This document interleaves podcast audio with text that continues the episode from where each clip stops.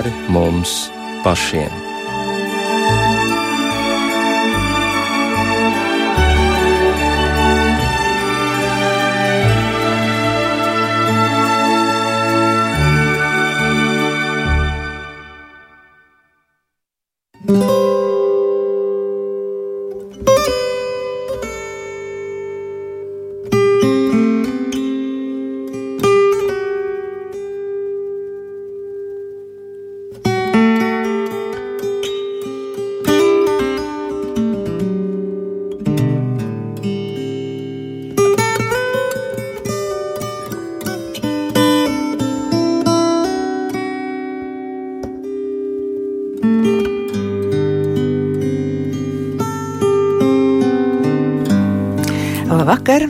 Studijā Rīta Brunēvica savu skanējumu sāk raidījums pāri mums pašiem. Skaņu režijā šovakar Rita Karnača.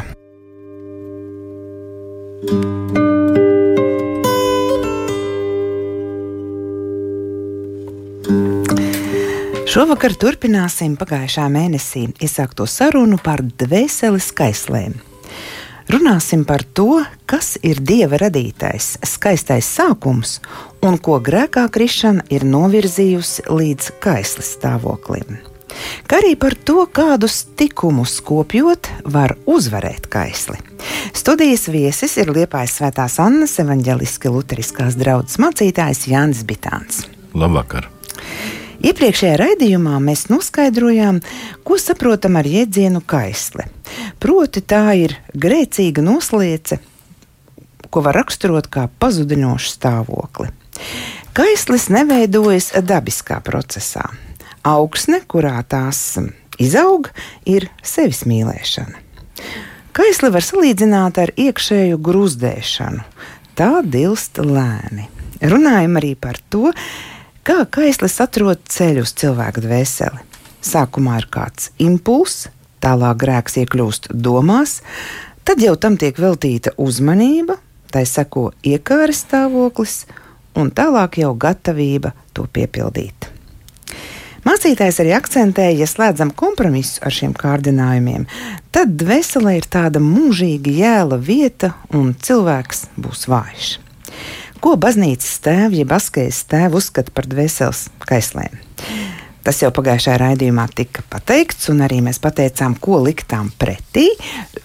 Šoreiz vajadzētu vēlreiz atkārtot, bet eh, tas notiks nevis, kad viss pēc kārtas astoņas skaitlis uzskaitīsim, bet sāksim pa vienai un kārtīgi izanalizēsim, lai mēs saprastu, nu, kā tad mēs ar šo lietu varam tikt galā.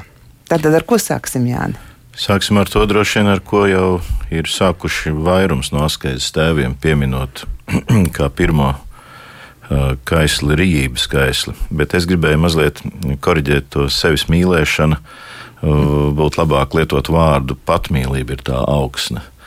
Jo mīlēt sevi, uh, tur jau mums gandrīz tas ir līdz tā kā paraugs, ka mums jāmīl tuvākais kā sev pašu. Tiešām. Bet patmīlība gan nav likt kā atskaites punkts. Mm -hmm. Tas ir labāks termins. Labi. Rības kaisle varbūt daudziem pirmajā brīdī tas skan tā no ar smaidu. Ka runā par rības izpausmēm. Ļoti bieži es dažādās rekolekcijās vai priekšlasījumos redzēju, ka tā pirmā reakcija ir tāda nu, smaidīšana. Jo es arī tagad smaidu mikrofonā, to var labi pamanīt. Jo liekas, nu kā par ēšanu, nu pēc būtības tur nekā ļauna nav. Nu, ja pa daudz, tad nav feini un visādi kuriozi no tā rodās un liekas svars un slikts vēders. Bet, ja mēs lūkojamies, kāpēc askais tēvi saredz šo kaisli kā tiešām tādu drau, apdraudētu dvēseles stāvokli, tad atsauce jau ir uz to pašu pirmā mūzes grāmatu. Mēs otrajā nodaļā, 17. pantā, lasām daudziem zināmos vārdus Tad, kad Dievs ir izveidojis pasauli, to iekārtojis un ar vienu mērķi uzticēt cilvēkam, uzticēt Ādamam, Ievai, eh, kopt un sargāt, eh, piepildīt to. Mēs pagājušajā reizē pieminējām vārdu dievišķot. Mēs mazliet šo domu šodien arī aizskarsim vienā citāta kontekstā. Eh, tad Rības kaisle ļoti cieši tiek saistīta tieši ar tiem vārdiem, kurus mēs lasām pieminētajā radīšanas grāmatā, proti, no visiem dārza kokiem ēdams ēd. Tad rakstīts no visiem. Bet no laba un ļauna atzīšanas koka tev nebūs ēst, jo tajā dienā, kad tu ēdīsi no tā, tu mirdams mirsi. Uh, šim labā un ļauna atzīšanas kokam riņķī nav ne žoks. Uh, vienīgais norobežojums ir kunga vārds, uh, kurš tiek ievērots vienkārši paklausot. Un, ja mēs runājam par īvu skaistli bez citiem tādiem rakursiem, kas arī no šīs raksturvietas ļoti daudz un dažādi un labos virzienos pamāca, tad šeit mēs varam redzēt, ka šo liegumu varētu sacīt, pat pirmo gavēni pasaulē. Pirmais gavēnis ir ēdienas dārzā. Pirmā atturība no ēdiena ir ēdienas dārzā, un šai atturībai ir garīgs mērķis. Šī atturība ir iedibināta, lai sasniegtu garīgus mērķus. Proti, lai, lai cilvēks, kuram no visa ir ļauts, viņam būtu arī šī iespēja savu gribu lietot arī mākot nepieskarties mākot neaiztikt to, ko Dievs ir liedzis, lai gan tas atrodas acu priekšā. Un šim liegumam ir tieši garīgas izaugsmes, tādas dievišķošanās, dievlīdzības mantošanas nozīme. Un tajā brīdī, kad Ādams pārkāp šo liegumu, mēs zinām, ka vispirms kārdinājumā krīt ieva čūskas kārdināt. Koks ir jo iekārojams, uzlūkojot Viņas stiepjas pēc tā, faktiski visas maņas krīt grēkā. Viņa redz, vispirms viņa dzird šo pamudinājumu no kārdinātāja, viņa redz, uzlūko, dara to, ko Dievs ir liedzis pat aizskart, ko nedrīkst viņa pieskarās. Nevar nejust smaržu, garšu. Faktiski visas maņas, kādas cilvēkam ir dotas, visi tā saucamie dvēseles logi, pa kuriem mūsos nonāk visi impulsi, pārdzīvojumi, apkārtējo lietu uztvere grēkā krītot arī tiek nu, apsmērēti, paliek ne, ne, nešķīsti. Viņi vairs nav ar to dzidrumu, ar kādu tas ir agrāk redzēt Dieva pasauli. Un tajā brīdī, kad notiek aizliegtā mm, augļa baudīšana, notiek tāda lieta, ko sauc par pārsātinātību. Dievs saka, ēdiet no visa, Jums ir viss, lai jums pietiktu, lai jums būtu ne tikai pietiekamība, bet pat svētlaime tur atrodoties, to baudot. Bet tajā brīdī, kad viņiem ir dots līdz sātam, tad, kad viņi stiepjas pēc tā, kas nav priekš tā, tur jau ir tas pārsātinātības nu, grēks.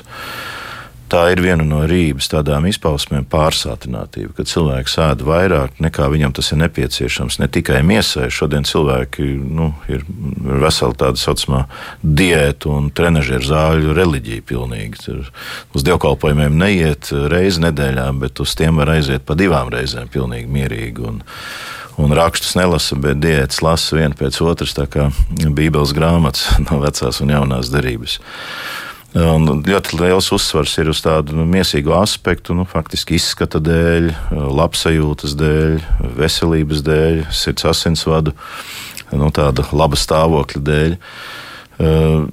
Ļoti liela koncentrēšanās ir uz to mīsīgā labuma gūšanu. Bet mēs varam redzēt ēdienas dārzā visu to, ko parasti askais tēvi sauc tādu trijotni, kas ir rības kaislas izpausmes. Tā ir daudzēšana, tas, ko nu pat pieminējām, vairāk pāri pa sātu, pārsātinātība, ka šī rība skaisti izpaužās cilvēkos tādā veidā, ka cilvēkiem ir vajadzīgs daudz uzturā. Eh, bet uh, askais tēvi arī piemin otru uh, rības kaislas izpausmes veidu, proti, tā ir izsmalcinātā ēšana vai smalkēšana. Cilvēkiem varbūt nav nepieciešams daudz, bet viņi nekad nejutīs sātu, ja viņi nebūs baudījuši kaut ko ekskluzīvu vai izsmalcinātu. Un šai ziņā šis uh, auglis tieši šādā veidā arī tad. Tā kā gardēži, ja nu. Gardēzis ir cilvēks, kam garšo gardumu, bet ja viņš viņus māk, kā saka, kontrolēt viņu dvēseli, nepielūdz vēderu, nu, tad jau viss ir kārtībā. Bet šeit ir šī jā, gardēža, smalkēšana nu, tas kādreiz aiziet tādās galējībās, kur cilvēki tur dzīves dažādas kustoņas, sēda smadzenītes ārā un tad nu, viebjās, bet, nu, lai iemantotu šo te smalkēšanas titulu kaut kādu, ko tik katrs nav apēdis, un ka beigās tomēr pat iegaršojās daudziem viskaut kādas muļķības. Bet tā ir tā otrā lieta - daudzēšana, smalkēšana, un tad ir tāda trešā lieta, ko askais tēvu uzsver - slepusēšana. Tur parasti cilvēki tiešām pasmaida. Uh, mēs arī esam savā laikā smaidījuši par to runājot, piemēram, ejot uz kinoteātri.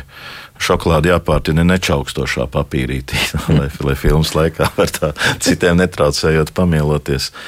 Bet slepu ēšana parasti to saista ar klosteru vidi, tā iemesla dēļ, ka klosteru ēdiens ir ēdienreizes kā tādas reglamentētas.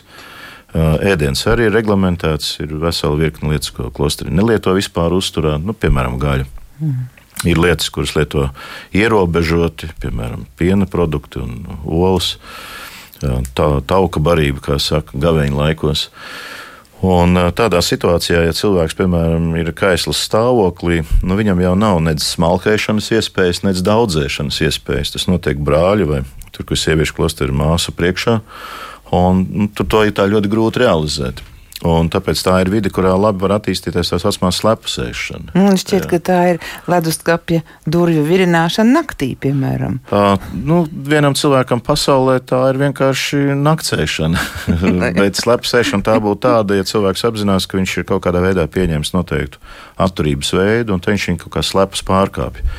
Bet uh, man nesen klosterī tā piekoriģēja, jo bija dzirdējuši, ka es par to izteicos. Man aizrādīja, teica, nu, tā nav tikai mūsu klostera tāda privilēģija, nu, pēdiņās ēst slepus. Uh, piemēram, ģimenē, ja tur, kur ir kristīga ģimene, visi ir vienojušies par kaut kādu atturību gavēņa laikā. Tur arī tas taču ir iespējams. Man negribās izrādīties sliktākam kā citiem, tajā pašā laikā nu, es ar šo kaislu galā tikt nevaru, tad es tā iekļūst tajā farizeiskajā stāvoklī, ka es izskatos labi, bet patiesībā es nu, nerealizēju tos savus garīgos mērķus. Nu, to tādā veidā varētu pasakīt, kas vēl pie Rīgas kaislas kā tādas jāraksturo. Mm, tad, piemēram, arī tādas lietas kā alkoholisms un narkomānija. Narkomānija pēdējā laikā, bet alkoholisms izsmeļs tiek uzlūkots kā Rīgas kaislas izpausmes. Tas arī ir kaut kas tāds, kas miesai nec dzīvības procesiem, nec kāda citāda nav nepieciešams, bet cilvēks to ņem kā tādu pārsātinātību. Daļa to dara slepenībā, nu, zinot nosodījumu par šīm lietām. Dažiem tas arī liekas izsmalcināti, uh, tas tā man jāatļaujās ik pa brītiņam kaut kādu tādu uh, fenšmekaru darbību. Uh, bet šīs lietas arī tiek uzlūkotas, jo tās nu, kalpo tādam vēderam.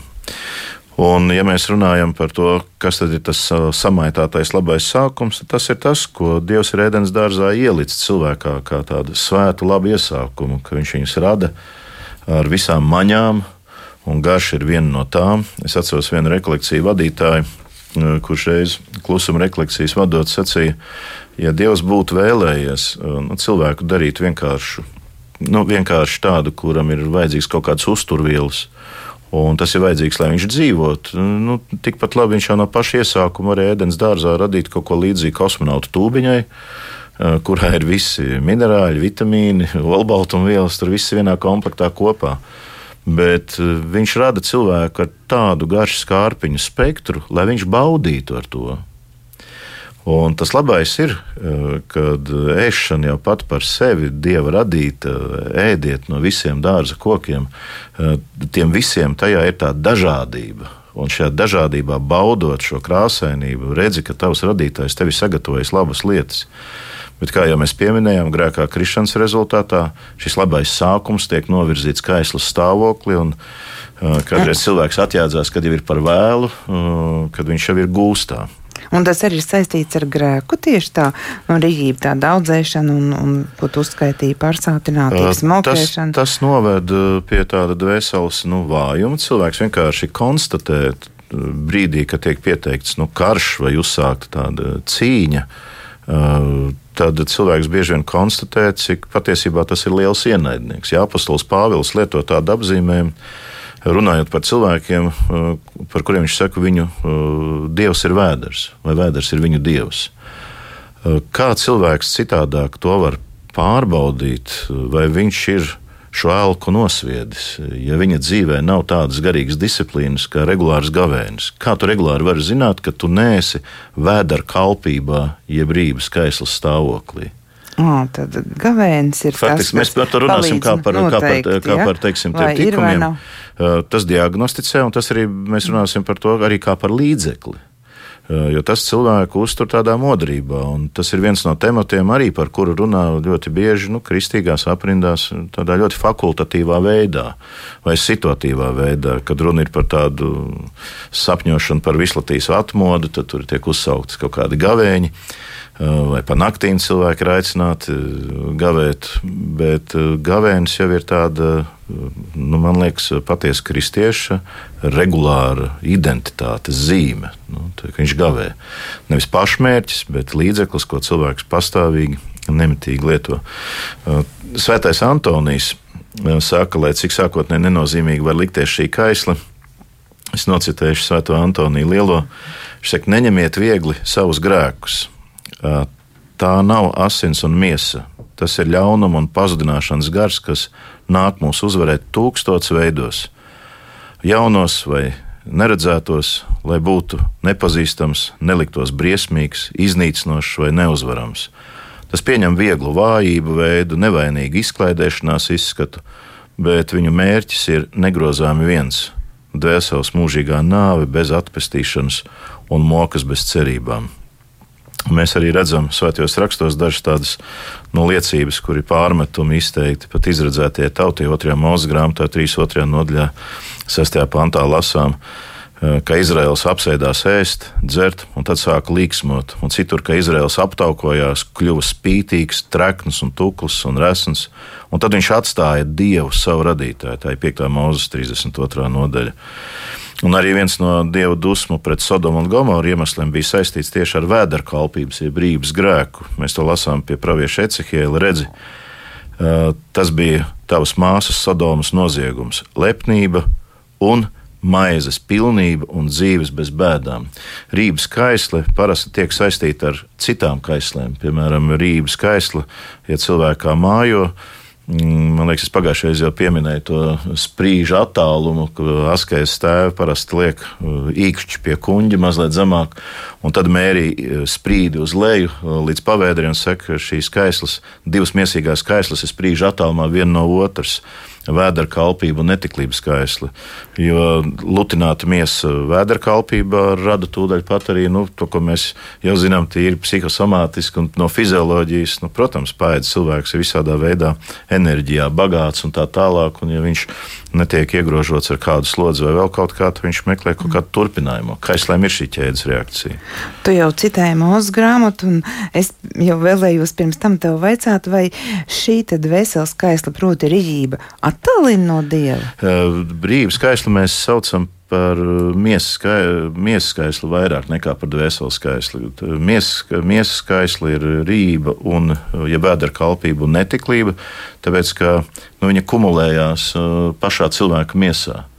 Par dvēseles skaisliem sauc tās, kuras netik daudzais kumulējas miesā, bet kas jau nu, kumulējās mūsu Un rīpa tas būtu tā, nu, ēst bez sāta, ja tā tieši tas vārds. Ko, ko... Ēst bez sāta, nu, tās, tās trīs lietas, ko mm. mēs mhm. pieminējām. Mm. Taču šeit, man liekas, ir tā jā, mazliet jāieskicē runājot par gavēni. Gavēņa laikā cilvēks ļoti skaudri var sajust tās pavisam vienkāršās fiziskās un ar ēšanu, ar vēdru saistītās lietas, kuras neapmierinot, vai kuru pavadā neejot, cilvēka dvēsele pazaudē gan mieru, viņa kļūst dusmīga, nervoza.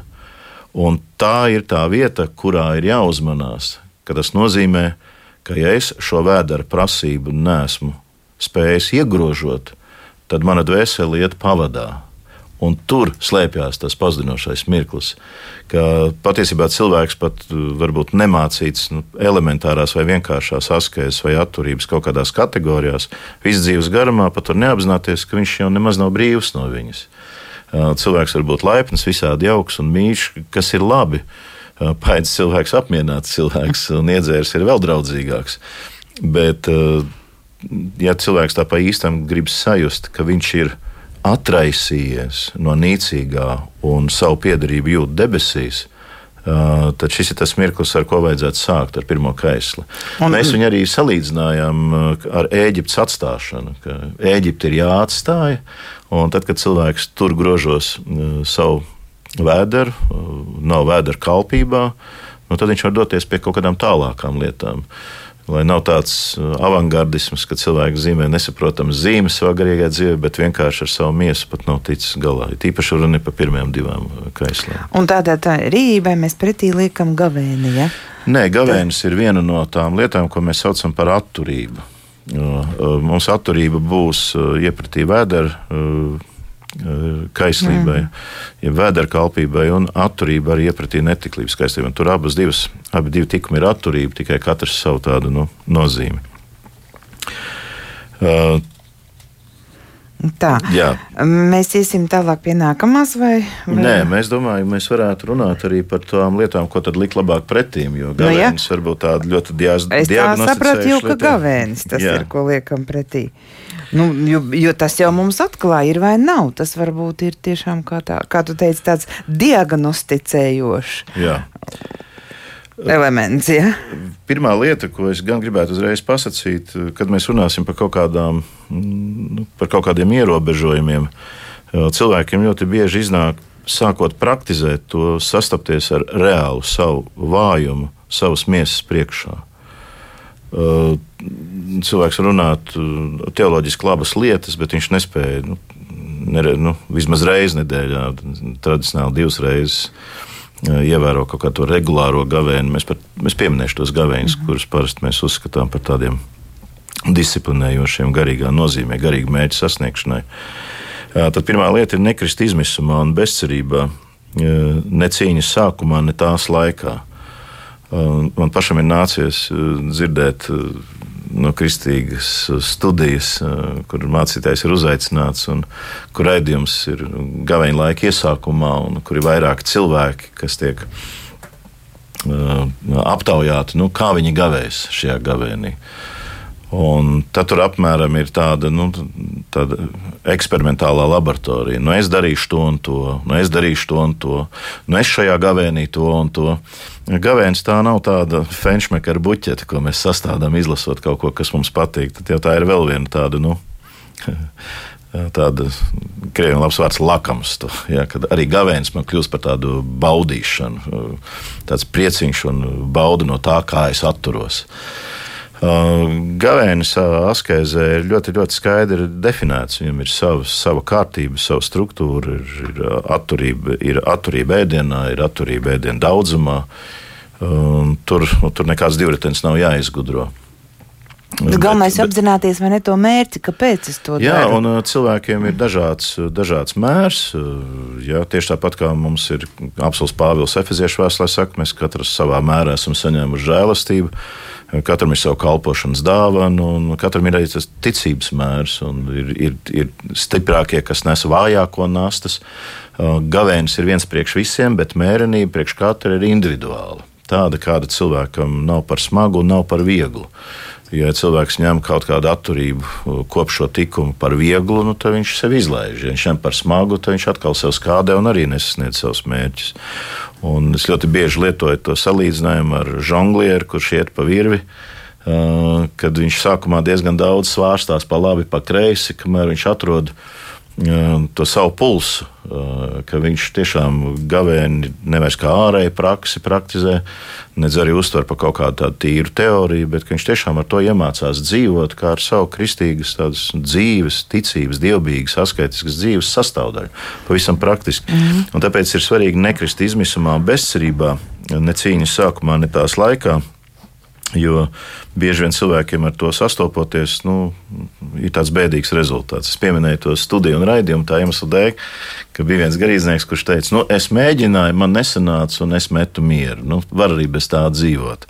Un es domāju, ja, piemēram, nu, cilvēks, kam ir dievbijā jāmāca vai jāvingrina, tā var pateikt, Nu, tad viena daļa cilvēku saka, nu, tā jau ir tāda fakultatīva lieta, bet tā ir kristīgas ikdienas sastāvdaļa. Tas nav fakultatīvs. Bet, bet svarīgi vai neapzināties, ko mēs ar to gribam sasniegt. Gavēnis jau nav tikai gavēņa pēc, tas skaidrs. Sasniegt mēs gribam tādu dvēseles distancētību vai norobežotību, caur kuru cilvēks nu, ir daudz modrāks un nepieejamāks kārdinātāju priekšā.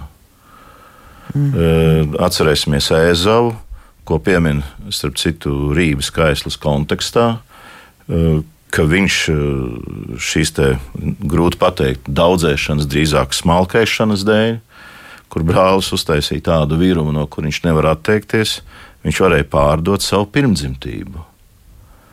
Un te ir tas bīstamais, ka vēdera kalpī pavisam fiziskas lietas, miesīgas lietas, var būt pazudinošas. Tā kā mēs lasām ēdienas dārzā, es apēdu vairāk nekā vajag, un tas man var maksāt ļoti daudz pie dvēseles.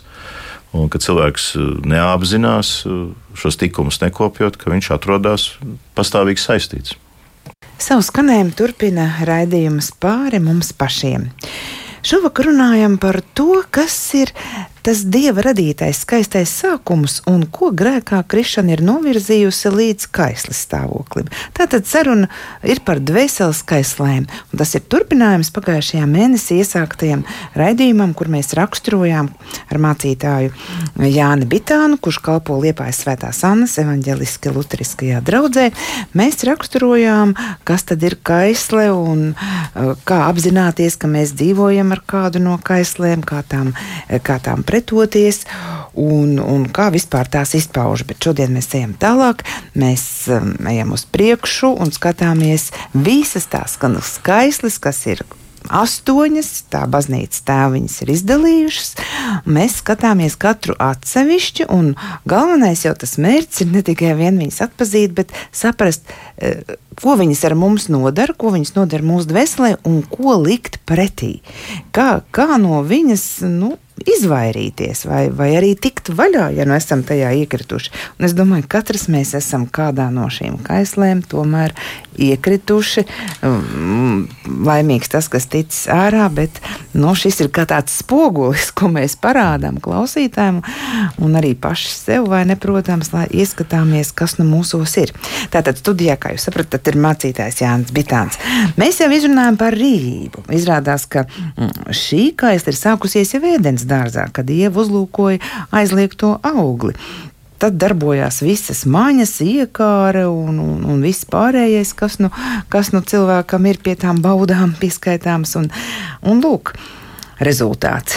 Tālāk, mm, ko tad īsti nozīmē rīība? Mēs arī par to jau pirmajā raidījuma pusstundā noskaidrojam. Tā ir ēšana vairāk nekā nepieciešams. Koncentrēšanās uz miesīgo.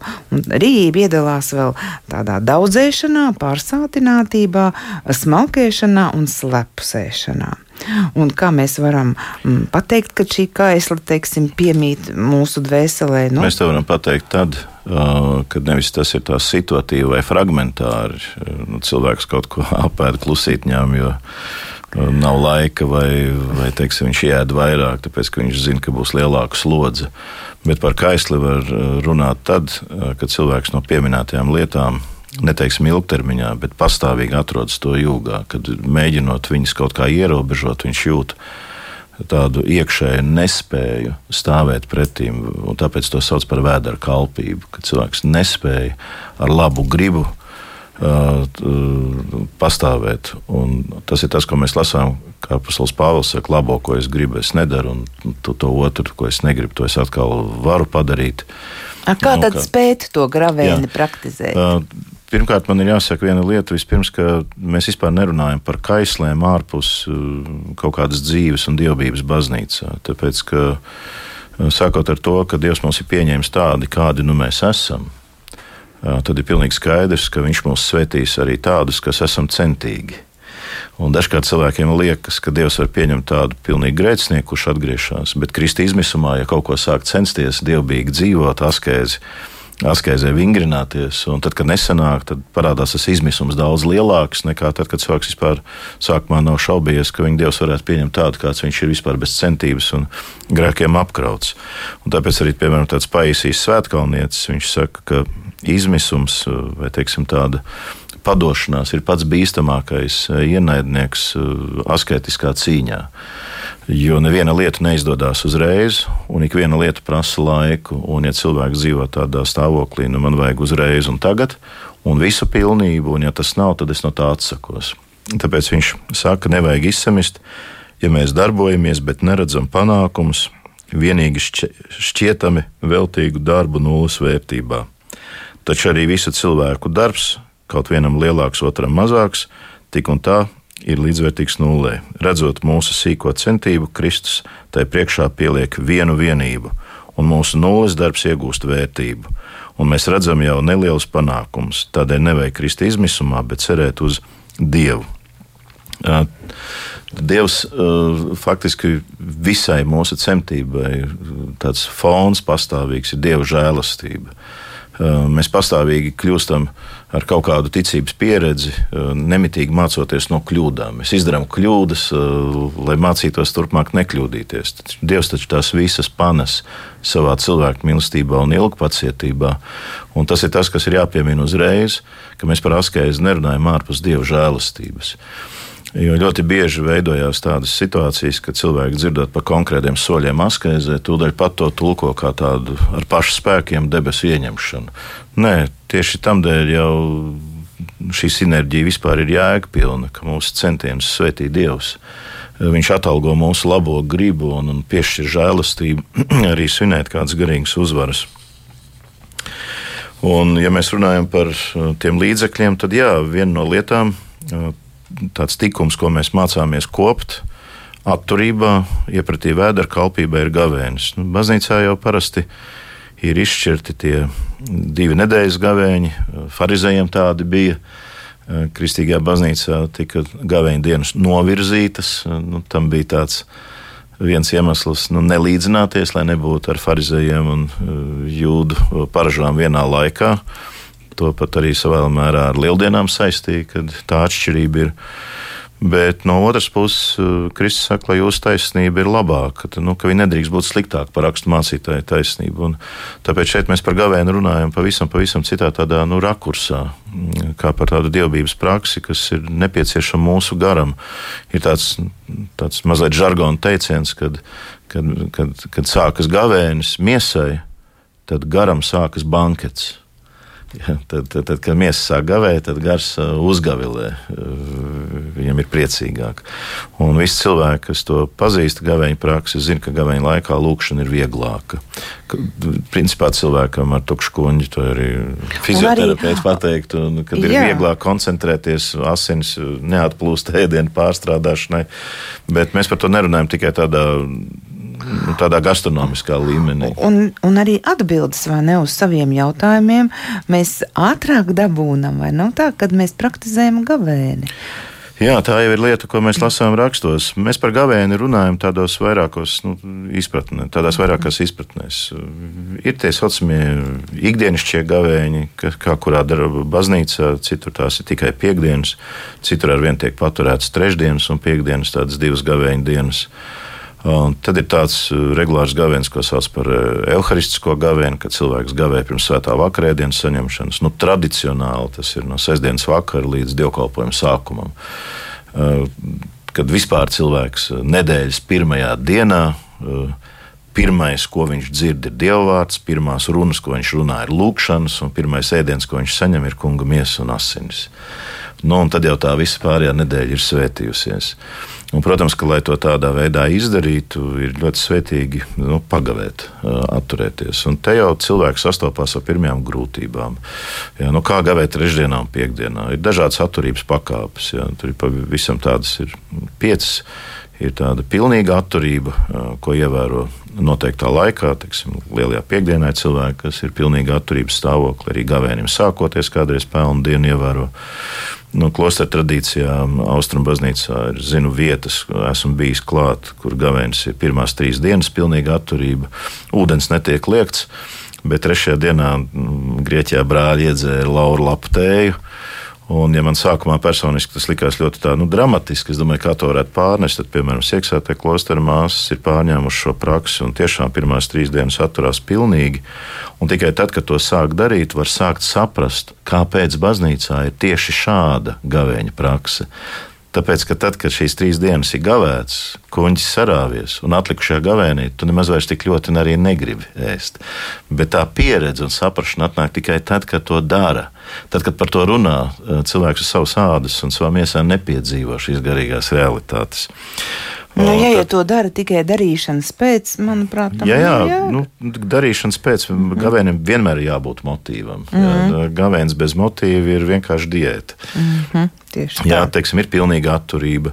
Uh, ir atturība faktiski no, no, no, no gaļas, uh, ir atturība no visas teiksim, dzīvās, dzīvās pasaules. Nu, Gaļas, mm -hmm. putnu gaļas, dzīvnieku gaļas. Tur jau arī dažādās draudzēs un baznīcās ir gradācija. Bet, ja mēs tā runājam par tiem lieliem vilcieniem, kādi pazīstami askētiem, tad ir pilnīga atturība. Un pēc pilnīgas atturības nāk tā saucamā sausēšana, kad cilvēks ēda kaut ko iepriekš sagatavot. Tur viņam ir novārīta kartupeļa, kaut kāda dārzeņa. Sausēšana tas nozīmē, ka tas ir ēdiens, kas nav ne vārīts, ne sutināts, nu, neatrodas siltā stāvoklī. Un pēc tam jau nāk tādas atlaides, teiksim, ēdiens, kas ir sutināts vai vārīts, ēdiens, kuram ir pievienota jau eļļa klāta. Uh, tad ir ēdiens, nu, kad tiek pieļauta zivs parasti gavēnī uz kādām svētku dienām. Nu, un tad, protams, ir tās pielaides, kas ir slimniekiem, grūtniecēm, nu, augošiem organismiem. Uh, abas divas lietas ir svarīgas. Gan uzņemt barību, gan arī mācīties sevi savaldīt un atturēt. Un tad, kad cilvēks šies gavēņa pakāpes, nu, mums raidījums būs pa īstu to visu izklāstīt. Jā, smalki. mums jau vēl par jāizrunā. Bet, eh, kādu bet no no tad, kad vēstules. cilvēks to iepazīst un savā dzīvē pieņem kā tādu nu, savas dievības izpausmi, tad jau arī viņš sāk saprast, cik lielā mērā vēdera kalpībā viņš atrodas vai varbūt neatrodas. Jo nav teikts, ka visiem obligāti jāpiemīt, bet nu, kaut kāds mirklis sevi iemācīties disciplinēt ir. Un tad ir tie saucamie lielie baznīcas gaveņi, kurus mēs pazīstam kā pirms kunga dzimšanas svētkiem, pirms lieldienām arī ar dažādu gradāciju, kurš stingrāks, kurš vieglāks. Bet, eh, ja šādā veidā mēs paskatāmies uz baznīcas kalendāru un cilvēks pieturās pie gavēņa, nu tad faktiski viņam ir visas iespējas no vēdera kalpības eh, izlausties ārā.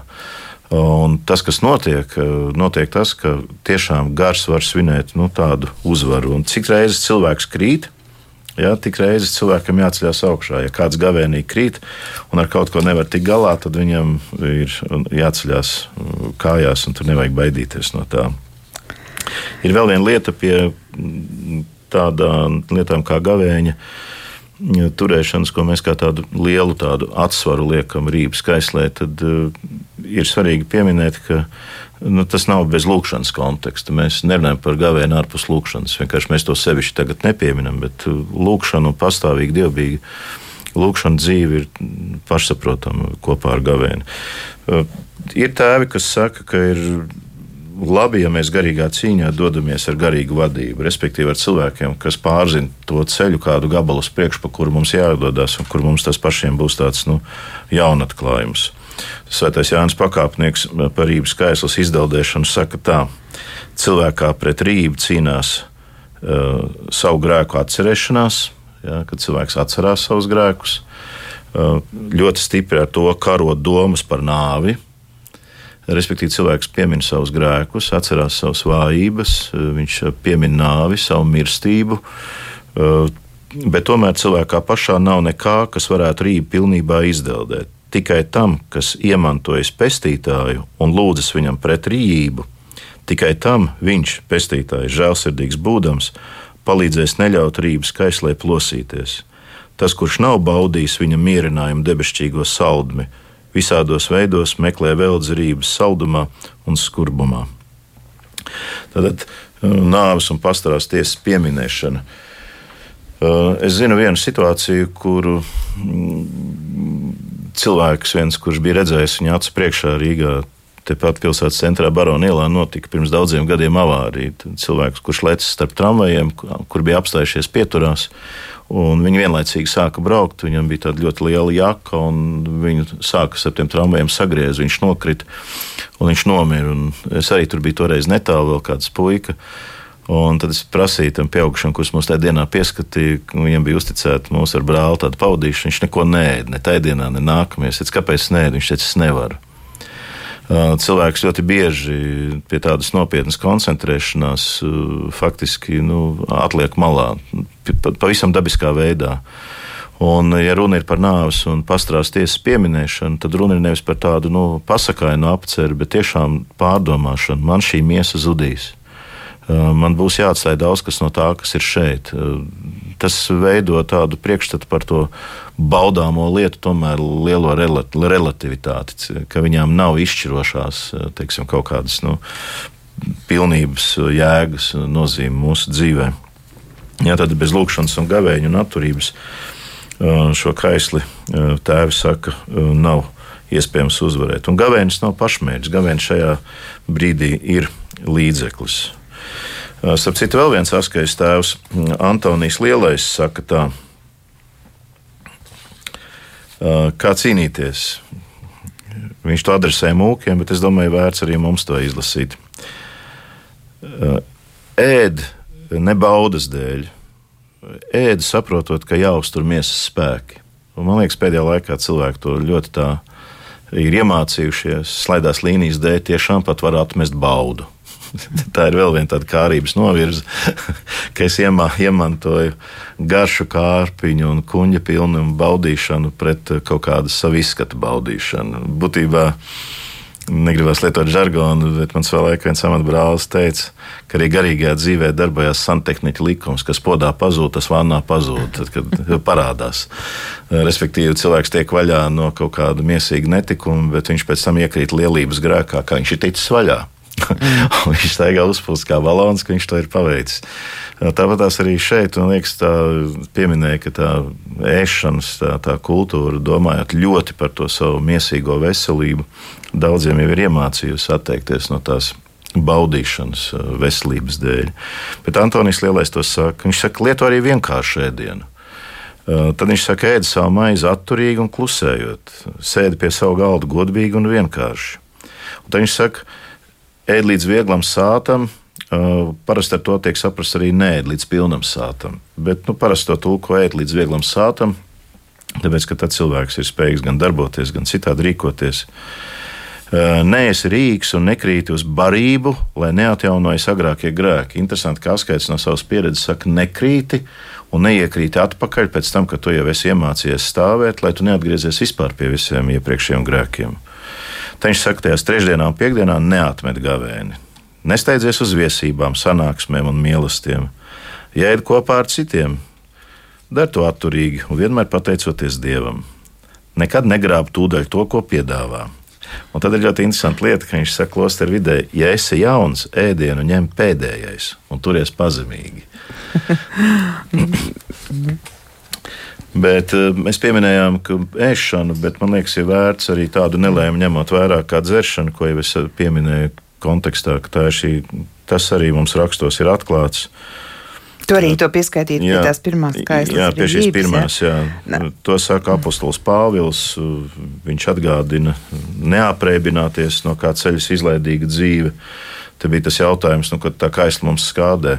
Grības kaisla ved pie tādas nu, izlaidības, miesas pilnība ved pie netiklības kaislas, nu, tāda pārsātinātība. Uh, par alkoholu arī ir ļoti daudz, kur teikts, neaprēķinieties ar vīnu, no kā ceļas izlaitīga dzīve.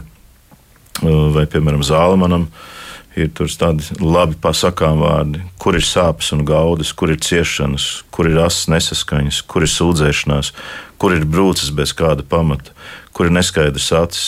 Pie tiem, kas vēl sēž pie vīna kausa.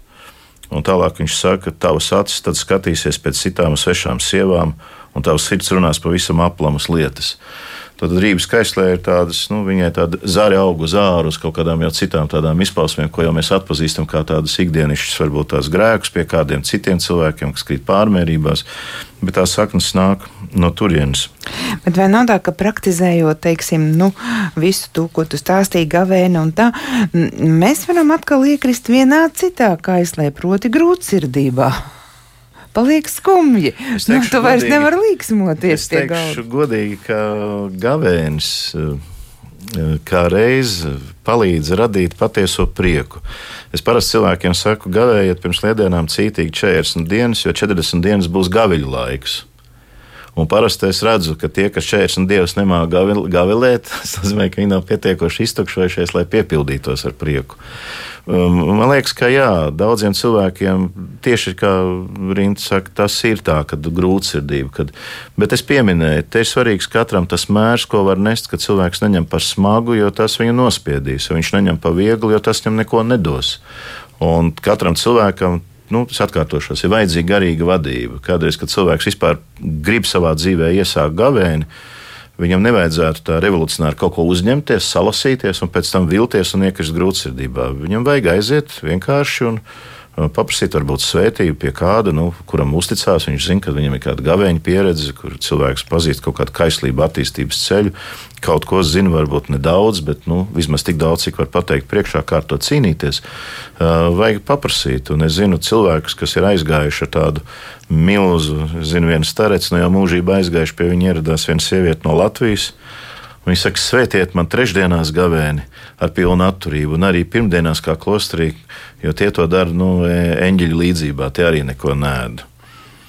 Un viņš saka, svētīsiet? Viņš saka, nē. Viņš saka, es tev arī piekdienās aizliedzu gavēt. Viņš saka, kā jūs man varat aizliegt, garīdznieks būdams, viņš ir arhimandrīts. Viņš saka, kā jūs man varat aizliegt piekdienās gavēt? Viņš Jā, kas ir arhimandrīts?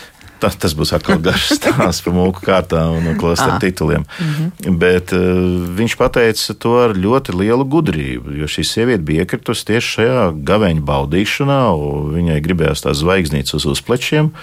Un tādam cilvēkam starets pasakā, tu vispār negavēsi. Tāpēc, ka tu ar šo praksi pēc būtības nodarbojies nepareizi. Un, protams, tad, kad cilvēks ir satriekts, ka viņš sāk uzdot jautājumus, kāpēc, parādās arī iespēja atbildēt, kāpēc. Jā, tā kā gavēnis nav grūtsirdības iemesls. Gavēnis, es teiktu, godīgi, tas ir tāda garīga prieka viens no cēloņiem. Un mazliet vēl raidījuma noslēgumā par to grūtsirdību, jo tā arī ir viena no kaislēm, un droši vien nākamajā reizē mēs kaut kad par to arī runāsim. Bet varbūt kāda ieskicīt, kas īsti ir tā grūtsirdība? Vai nu, grūtsirdība, varbūt tāds ekvivalents vārdam grūtsirdība, lai tā ātri paskaidrot, nu, pasaulē tiek lietots depresija. Uh, bet grūtsirdība, man liekas, būs tāds plašāks jēdziens kā depresija. Depresija vairāk ir tāds klīnisks termins. Uh, tad depresija būs gan klīnisks, gan arī garīgs termins. Uh, nu, pats vārds jau latviešu valodā nu, to arī mums kaut kā pasaka, grūta sirds. Ja, kad cilvēkam ir grūta sirds, Viņš ir kaut kādā veidā kaut ko nu, nospiests. nu jā, raidījuma nobeigumā negribas uz tādas skumjas nots vai nešķirties no mūsu klausītājiem. Tāpēc Bet grūtsirdība ir atsevišķs raidījums paredzēts, jā. es saprotu, mums, un mēs jā. par to noteikti runāsim. Jo grūtsirdība, nu, mēs to varētu saukt par dvēseles izmisuma stāvokli. Tā ir pasaules atstumšana no sevis. Tas ir, eh, ir noskumšana. Eh, tas ir tāds cilvēks skums, eh, skumjš, nomākts, nospiests dvēseles stāvoklis, kas nokāja cerību uz Dievu. Grūtsirdības stāvoklī cilvēks atstāja lūgšanu, viņš pazaudē ticības entuziasmu. Kādreiz tiešām paliek tāds, tad parasti tādus cilvēkus nu, piestelē klosterī kādā celē lai viņas kā tādas noslēpušas mašīnas ievelk. Jā, mēs tiešām negribam pazaudēt lūkšanu, negribam būt vāji. Tāpēc mēs Beigsim gribam tādu pozitīvu noti. Jā, lai garam ir bankets. Tieši tā, es nu pat tieši to gribēju teikt. Kad miesai sākas gavēnis, tad garam sākas bankets. Paldies! Šovakar studijā bija Liepājas svētās Annas evaņģeliska lutriskās draudzes mācītājs Jānis Bitāns. Ar viņu sarunājās Rīta Bružēvica. Mēs vēl turpināsim šīs sarunas par dvēseles kaislēm, tā kā sakojiet līdzi mūsu raidījumiem. Par raidījumu labo skanējumu rūpējās Rīta Karnača. Ar labvakar!